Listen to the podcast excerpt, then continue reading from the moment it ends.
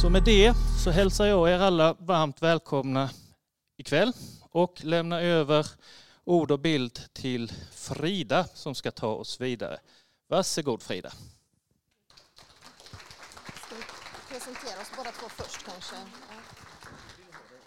Ja, absolut. Tack så jättemycket. Eh, Frida Trollmyr heter jag och eh, jag tror att ni kanske känner mig, de flesta här inne. Men eh, jag har ju eh, fram till valet varit kommunalråd här i Malmö stad för Socialdemokraterna med ansvar för kultur och fritidsfrågor. Eh, och jag är fortfarande aktiv här i fullmäktige och kommunpolitiken men inte längre kommunalråd. Och med mig har jag Linnea, vill du också presentera dig? Eh, Linnea Karlsson heter jag. Går det bra nu? Okej. Okay. Mm. Eh, jag ska prata om en skulptur som jag har gjort av Elma som det hördes om innan och som du ska berätta om. Så jag ska börja med att berätta lite grann om eh, Elma Danielsson, journalisten, eh, politikern och pionjären Elma Danielsson. Hon hade en 30-årig karriär som journalist på tidningen Arbetet, drev politiskt och fackligt arbete, bodde i Malmö mellan 1988 och 1911. Sen flyttade hon till Lomma och fortsatte vara verksam eh, som journalist i Malmö. Eh, men hon köpte ett hus i Malmö, eller i Lomma, förlåt, i Lomma och flyttade från Malmö. Eh, jag tror att det är många som känner hennes man, Axel Danielsson. Om vi bara gör en liten test. Hur många känner igen Axel Danielsson här inne? Alla händer uppe i världen. Och då tänker jag så här, Elma Danielsson, hur många har hört om henne? Ja, det var faktiskt betydligt färre som räcker upp eh, handen. Och det är intressant eftersom det är Elma Danielsson som har haft en lång eh, politisk och facklig karriär och just eh, arbetat som journalist bra mycket längre än sin man på Arbetet. Så jag ska börja berätta lite grann om Elma och jag har inga tjusiga bilder så jag hoppas att ni kan lyssna på min röst. Elma Sundqvist, som hon hette ogift, växte upp i Falund eh, tillsammans med sin mor och hennes två bröder. Där drev hennes mamma ett pensionat.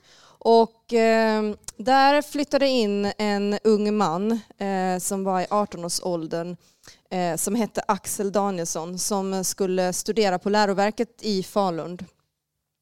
Och eh, Elma som då var bara 15 år lärde känna Axel och eh, blev förtjust i honom eh, och han i henne. Och efter Axels examen så förlovade de sig. Då reste först eh, Axel Danielsson till England för att fortsätta sina studier. Ehm, men fick avbryta dem eh, och tog sig sen till Stockholm där han lärde känna August Palm. Och då hade man startat eh, den socialdemokratiska tidningen Dala-Demokraten Eh, men, eh, och där ville Axel Danielsson bli redaktör. Eh, men det blev han inte, utan Hjalmar Branting fick den positionen. Så Axel han reste till Malmö 1887 och startade då tidningen Arbetet och han blev då tidningens redaktör. När han hade flyttat till Malmö så började han skriva vi ska inte glömma vad Elma gjorde, förlåt, nu blir det igen lite mycket fokus på Axel. Eh, Elma, hon utbildade sig under den här tiden vidare till eh, småskolelärare eh, och flyttade till, måste jag kolla på min, Söder, Söderhamn var det ja. Hon flyttade till Söderhamn eh, där hon började undervisa barn. Eh, men eh, när Axel kom till Malmö så började han skriva eldiga kärleksbrev till henne och ville att hon skulle komma ner. Han var heller inte nöjd med hennes eh, yrkesval. Han tyckte att det var en skymf mot honom att hon stod och proppade i barn borgerlig propaganda som han vigde sitt liv åt att motarbeta. Han tyckte inte om hennes yrkesval överhuvudtaget. Ehm, Elma däremot var lite tveksam till att flytta hit. Axel ville nämligen inte gifta sig utan ville ingå ett samvetsäktenskap som var populärt bland socialister på den tiden. Eh, men eh, Elma var ju då orolig för att det skulle liksom bidra till eh, ryktespridning och dåligt rykte för hennes del. Men när Axel Danielsson hamnade i fängelse, jag kommer inte ihåg när det var, 1888 tror jag det var. Uh, japp, tack. 1888 så hamnade han i fängelse för att han har skrivit några artiklar som uh, han blev dömd för. Uh, och då uh, kallade man helt enkelt ner och då var det också så att Arbetets redaktion var, uh, hörde av sig och tyckte det var viktigt att Elma kom. Då kom hon till Malmö och ehm, hon eh, störtade eh, Axel under den tiden som han var i fängelse. Och hon var på den tiden eh, länken mellan Axel Danielsson och, och hela omvärlden. Hon skötte all hans kommunikation med redaktionen och hon började själv då arbeta på tidningen Arbetet i samband med detta. Eh, han satt där, nu har inte skrivit det, men 18 månader tror jag han satt där. Eh, och eh, Elma stöttade honom både känslomässigt och praktiskt. Och han hyllade henne när han kom ut sen med en väldigt eh, fin dikt i tidningen Arbetet. Eh, och som sagt, det var då Elma tillsammans med typografen Nils Wessel som drev tidningen Arbetet under hela den tiden som han var i fängelse. Ehm, Elma arbetade då som journalist på Arbetet 1988 till, eh, 1888 till 1921. Och man kan väl säga att eh, från början så fick hon många gliringar om att hon bara var där för att hon var Axels eh, fru. Ehm, men snart så fick hon ändå eh, respekt för det hon faktiskt skrev. Men vid sidan av eh, sin journalistkarriär och sitt arbete så drev hon också en mycket aktiv eh, facklig och politisk eh, kamp. Hon, 1988, äh, ah, varför säger jag 1888 så var Elma med och bildade Kvinnliga arbetarförbundet i Malmö. Och det var föregångaren till Malmö kvinnliga diskussionsklubb och det var det som senare blev Malmö Eh, kvinnoklubb som idag kallas S-kvinnor. Och Elma sågs ofta på spårvagnarna här runt om i Malmö vid sekelskiftet, eh, agiterandes med kvinnor. Då var det ganska vanligt. Vi hade ju mycket textilindustri. Vi hade till exempel Moresco som var en stor eh, kapp, eh, gjorde mycket kappor på den tiden. Och det var ganska vanligt att man hade hemsömmerskor som eh, då kombinerade att vara liksom mamma med att arbeta som hemsömmerska. Och man sydde då kappor för eh, en krona 1,50 vilket var skamliga eh, eh, pengar även på den tiden för att sy en kappa som tog ganska lång tid. Så Elma, de åkte oftast, eller gick med kapporna för att lämna dem till Moresco, hämta nytt tyg och ta hem och sy. Och då passade Elma på att eh, agitera på vägen för att få dem att organisera sig i fackföreningsrörelser. Hon eh, eh, sågs också ofta på Doffen, Malmös yllefabrik, där hon också försökte få kvinnor att organisera sig fackligt. Ehm, mm. Ju berömdare Axel Danielsson blev, eh, ju mer så ökade hans alkoholmissbruk och hans otrohetsaffärer. Han var konstant eh, otrogen eh, under en period, eller under kanske nästan hela deras relation, vem vet, eh, mot Elma. Och hösten 1890 så stod Elma inte ut längre. Och hon lämnade Axel och eh, åkte till Stockholm. Det är lite oklart vad hon gjorde i Stockholm eller vad hon hade tänkt. Men hon kom tillbaka, inte långt efter att hon åkte. Och det visade sig då att hon var gravid eh, och eh, hon födde 1891 en son eh, som eh, de döpte till Atterdag. Ehm, mm, jag kan väl också säga att Elma var också väldigt aktiv i rösträttsrörelsen. Eh, hon åkte framförallt runt i Skåne och agiterade men var också väldigt eh, bokad runt om i landet för att vara med på olika agitationsmöten för kvinnlig rösträtt. Eh, annars var hon framförallt eh, aktiv i de fackliga frågorna och de sociala frågor som berörde kvinnor. När sonen Atterdag inte ens var ett år så lämnade Elma Axel igen. Och det kanske var för att hon hade fått reda på att han hade fött ytterligare en son eller inte han har inte fött det, men han har fått en, ytterligare en son eh, med sin älskarinna. Eh, hon reste då till sin mor i Falun eh, och där lämnade hon sonen eh, och 19, eller 1893 så åkte hon över till Amerika. Också lite oklart vad hon gjorde där men eh, hon eh, säger själv att hon hade jobbat bland annat som eh, privat sjuksköterska hos en amerikansk familj.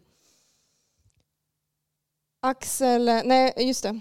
Eh, när sonen är nästan fem eh, år så dör han i tuberkulos. Och eh, mamman skriver då till och ber Elma att komma hem, vilket hon gör. Och eh, Axel Danielsson är då ganska förtvivlad och eh, skriver och bönar och ber eh, Elma att eh, komma tillbaka till honom, vilket hon också gör. Eh, hon kommer tillbaka till Malmö och börjar återigen att Eh, arbeta som journalist på arbetet. Men hon har ett krav för att komma tillbaka och det är att de ska gifta sig. Och de gifter sig eh, 1897 i St. Pauli kyrkan här i Malmö. Nu ska jag slå på här. Eh, sen dog Axel inte så långt efter det. Eh, I december 1899 så dog han bara 36 år gammal.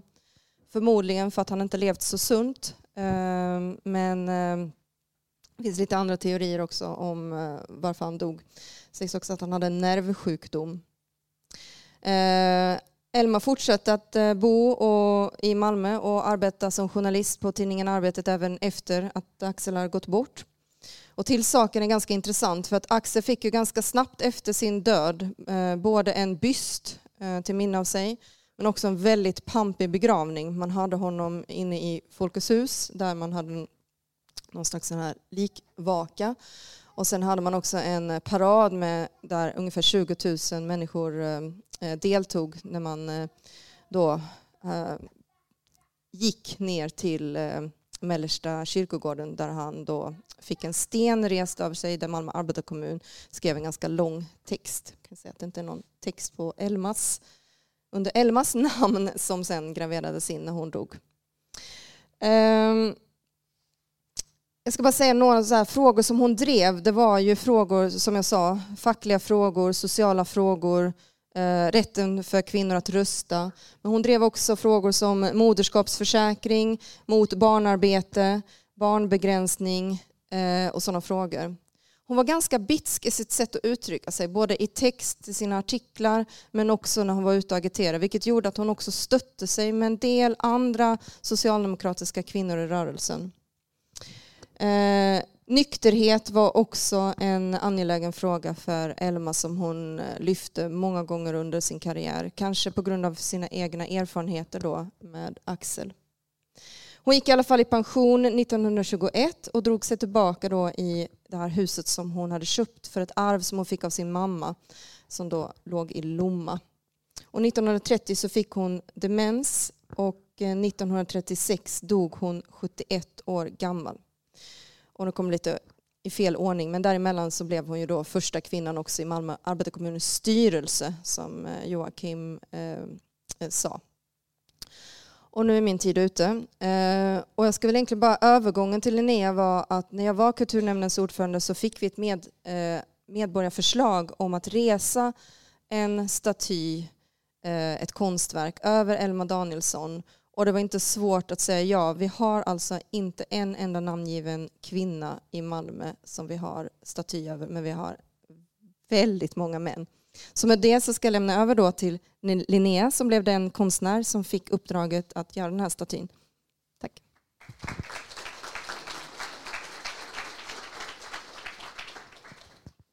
Ja, tack så mycket. Ehm, ja, vad kul att vara här. Jag ska berätta om arbetet med Elma. Jag är konstnär och utbildad här på Malmö konsthögskola. Eh, och ja, jag fick uppdraget efter att jag hade ansökt. För det blev en eh, offentlig upphandling med en utlysning. Jag tänkte det kan vara intressant att veta hur det här går till. Eh, det är också en slags politik. Liksom. Ska jag läsa det som står här eller vill ni läsa själva? Jag kan läsa kanske.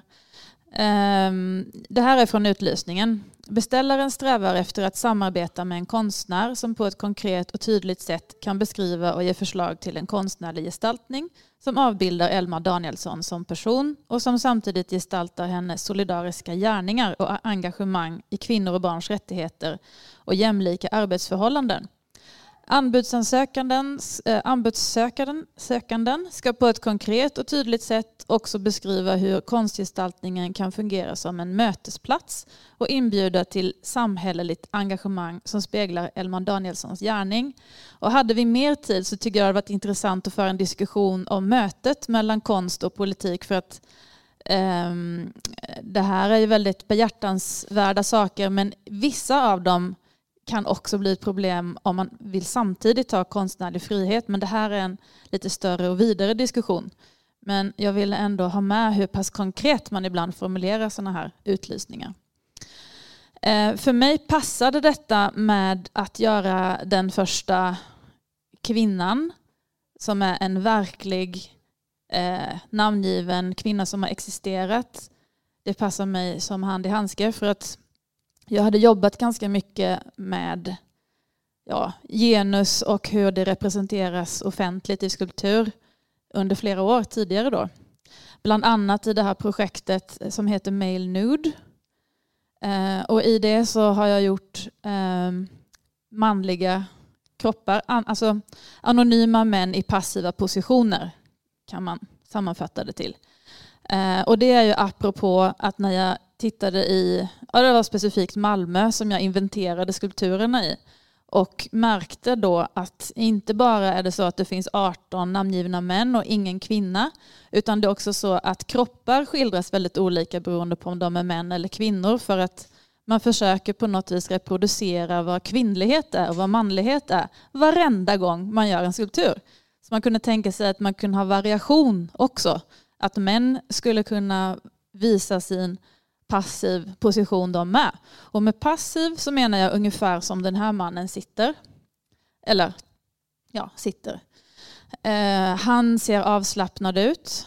Hans kropp är liksom lite grann krökt och böjd. Eh, han håller inte i något och han riktar sig inte framåt och han ser inte ut att vara på väg någonstans. Han sysslar inte med någonting. Och hans blick, det är ganska viktigt, den riktar sig snett neråt. Och precis så här skildras nästan alla kvinnor skulpturalt. Eh, därför vill jag bara se vad händer när man avbildar män på det sättet. Lite för att testa hur mycket eh, har det liksom fäst sig i vår perception och, och liksom vad vi och jag tycker att det var ganska intressant för att många när de har bara tittat lite snabbt på en sån här skulptur så tänker de att det är en kvinna. Så måste de titta en gång till innan de ser att det inte är en kvinna.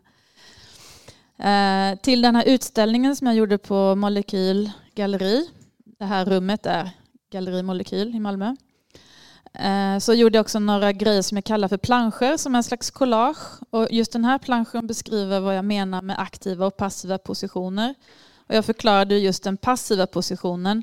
Men den aktiva, som vi oftast ser män skildras i, eh, då är liksom kroppen mer utsträckt. Eh, någon arm sticker gärna ut och blicken är oftast riktad eh, framåt eller uppåt eller snett uppåt. Och musklerna är mer spända. Eh, gärna håller man i någonting. Eh, om vi tittar längst ner till vänster så har jag också upptäckt en eh, aktiv och en passiv kontrapost. Och kontrapost är ju när man står lite sådär. Så att den aktiva är att knät är riktat snett utåt och den passiva snett inåt. Och det här har blivit förknippat med manligt och kvinnligt fast det är det ju inte egentligen. Och sen lite statistik. Kontentan av den är som jag redan har sagt att det fanns 18 män, eh, verkliga män, eh, avbildade i Malmö och ingen kvinna. Eh, ja. Jag tror jag går vidare för att jag har inte jättemycket tid. Det här är en eh, skulptur som jag gjorde innan Mail Nude som också handlar om det här med representation och offentlighet och skulptur. Så. Eh, och den stod tillfälligt placerad mitt emot Karl X på, på eh, Stortorget. Eh, och då gjorde jag en intersexuell person eh, som faktiskt har funnits i verkligheten men det är ju inte henne jag avbildat, jag har använt i stort sett min egen kropp. Um, och uh, jag har namngivit en Herkulin som är då en historisk person som levde i Frankrike på 1800-talet. Och som, ehm, ja hon ehm, kallar sig själv kvinna men fanns efter ett tag, var intersexuell, det vill säga hade någonting som gjorde att hon inte kunde räknas helt som kvinna då. Eh, I alla fall inte på den tiden. Och henne har jag läst om i en biografi som Foucault, Michel Foucault, om någon är intresserad av sociologen Michel Foucault, så har han gett ut en fin bok om Herkulin. Eh, när jag fick uppdraget sen till slut så hittade jag faktiskt den här bilden i min mans eh, bokhylla i en bok om eh, arbetarrörelsens historia. Så fanns det faktiskt en kvinna med. Gör det ibland inte. Eh, och den bilden har jag inte hittat någon annanstans. Jag blev ganska impad av de här enorma puffärmarna och tänkte på hur de skulle se ut i brons. Och så. Sen tycker jag det ger mycket pondus med dem. Um, ja, här handlar lite om att vi ser till vänster lite fakta kring Elma och till höger lite saker jag ville ta fasta på när jag gjorde skulpturen. Jag ville skildra henne som ung hon kom hit 23 och började genast agitera framför folk. Tycker det är ganska coolt. Jag ville såklart att hon skulle stå i vad jag kallar en aktiv position kroppsmässigt. Och jag ville att man skulle se att hon kommer från en annan tid. För det är det som är det häfta, häftiga och hisnande med det här att hon levde i en så otroligt annorlunda tid, ett annat samhälle. Så det blev viktigt. Eh, sen finns faktiskt arbetarrörelsens arkiv här i Malmö. De har en hög med anteckningsböcker från Elma och även från Axel. Eh, ganska kul att botanisera i dem. Um, ja, jag har faktiskt skrivit ner här lite grann tydligare vad det står i en av dem. Um, det här är då direkt ur Elmas anteckningsbok. Det finns ett skäl varför arbetare inte ska förvandlas till lastdjur, till en maskin. Och det är att det hos alla människor finns ett behov att göra det mesta möjliga av sitt liv. Det behovet ska respekteras. Eller hur? Ja. Nej, men jag tycker faktiskt också det är ganska starkt och rörande. För att det går utöver att kräva rättigheter som gör att man överlever, att man faktiskt har ett värde som, som människa också. Och att vi har olika behov som vi behöver tillfredsställa. Nu går jag snabbt igenom lite av eh, själva arbetet. Eh, jag valde att jobba i lera, vilket gör att processen blir lite längre än om man till exempel hade jobbat i gips, som vissa gör. Eh, för då måste jag bygga i lera och sen göra en gipsavgjutning och sen så gjuta det i brons. Men jag tyckte ändå det var värt det. Då måste man ha en stålstruktur. För leran som läggs på sen kommer att väga sådär 250 kilo. Eh, jag fick låna en klänning på Operan som jag använde för att titta hur tyg faller. Och eh, jag, om ni ser bakgrunden på den högra bilden så är det den träärmen som jag har, jag har fått be en person att sy en sån fårbogsarm som det hette ehm, för att kunna modellera det. Liksom. Um, och det är kul med den fårbogsarmen för att den daterar Elma, alltså skulpturen Elma väldigt eh, precis egentligen för den var på modet sådär slutet på 1880-talet till precis början på 90-talet. Så det gör att om man är lite kunnig i mode så förstår man ja, hur gammal och vilken tid, vilket år eh, hon kommer från så att säga. När man bygger i lera då måste man hålla skulpturen fuktig. Det är en process i sig. Och hon växer här gradvis fram. Mycket detaljer. Där är hon klar i lera. Och där ser ni att jag använder den där puffärmsbilden också för ansiktet. Och jag hittade två bilder till som jag tror är ungefär rätt ålder på Elma.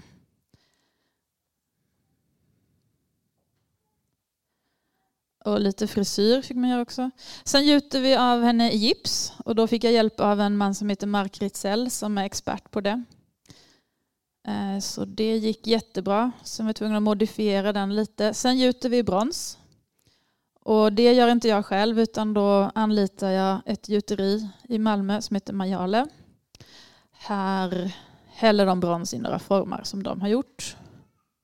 Här lyfter vi ut en av bronserna för första gången som gjuts i delar. Man kan inte göra en så stor skulptur i ett. Så sen får man svetsa ihop dem. Och gradvis så blir hon mer och mer hel igen.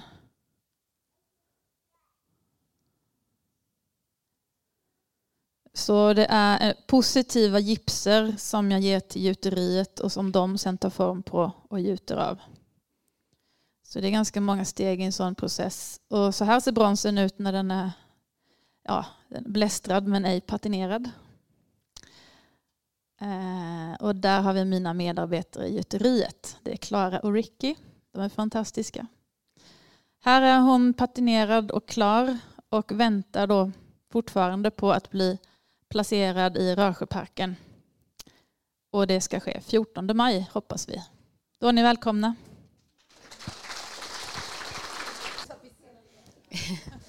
Tack så jättemycket. Det var spännande och det var kul att få följa hur skulpturen blev till. Eh, det jag egentligen eh, ställer mig, eller det jag undrar, för jag, när jag fick eh, ta över ett kontor på Stadshuset, jag har också blivit kommunalråd nu, då bad jag om en tavlor, för man får lov att välja då från Malmö museer, tav, konst på rummet. Och så bad jag om någon tavla med kvinnor i rörelse överhuvudtaget. Det fanns inga. Och jag blev överraskad och till slut har jag nu en äldre kvinna som sitter i solen. Och det är inget fel på det. Eh, men det är just, jag tänkte på det när du berättade att det är något du har observerat och studerat. Eh, är det någonting som är generellt, alltså för du tog det som exempel, är det generellt att kvinnor eh, under viss tid, eller när ändrades det till att ha, eller har det ändrats till mer agiterande. Vad kul att vi får en skulptur som har en agiterande kvinna utifrån det perspektivet. Tack. Eh, ja, alltså mycket av den konsten som vi ser som är offentlig, nu var det ju inte det du menade då, men den är ju gjord eh, sådär senmodernism, 1800-tal, början på 1900-talet och det var ju en super eh, splitter, eller ja, um, det, det, som var manligt och kvinnligt blev med ens ännu fastare och hölls på ännu hårdare liksom, eh, än vad det hade gjort tidigare. Och det är mycket av det vi ser och det är det som dominerar i, i så kallad konst som då kanske inte är precis samtida konst. Och det är också det som är tråkigt med skulpturgrejen ehm, eh, då återigen eftersom det här med att avbilda människor som har funnits överhuvudtaget har ju lite fallit ur mode eller vad vi ska säga. Folk gör inte det längre. Folk beställer inte det så mycket längre och konstnärer kan inte det lika mycket längre för att man tränas inte i det. Så då blir det svårt att ändra på det. Men vad det gäller måleri, ja det är väl samma processer liksom att där sen 1850 och typ till 1950 har varit superkonservativt när det gäller könsroller. Super, superkonservativt. Så jag kan bara beklaga din situation. Eh, frågan är varför just Rösjöparken? Eh, och det, här, det finns både ett officiellt och ett inofficiellt svar. Det officiella svaret är att det är en plats där eh, Elma ofta sågs agitera. Det var ju så att arbetarrörelsen på den tiden inte Eh, var tillåtna att agitera eh, centralt utan man eh, höll sig i utkanten av staden, ofta i stadens parker. Och innan sekelskiftet så var det också ganska bevakat av polisen. Alltså man hade ju sträng bevakning på socialisterna och var de hade möten och vad som hände på de här mötena. Men hon brukade agitera i Rösjöparken. och det var också något avsnitt i den boken som jag hade här någonstans där man pratade just om det. Ett väldigt berömt tal som drog väldigt många som hon hade eh, innan, alltså i slutet på 1800-talet som var just i Rösjöparken. Men det finns en annan anledning också. Det är så att Planterings och försköningsföreningen eh, betalar eh, skulpturen eh, och de ska inte säga äger, för det är ju Malmö stad, men eh, de har gjort det mesta, anlagt det mesta i den parken och hade ett starkt önskemål att den skulle stå just i den parken. Så det var ju bra att det fanns en historisk koppling.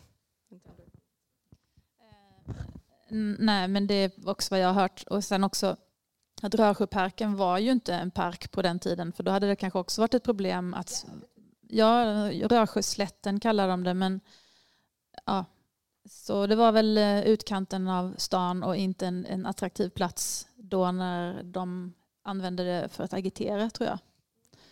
Så. Ja. tror jag var en tid ute så vi tackar för oss och eh, tack.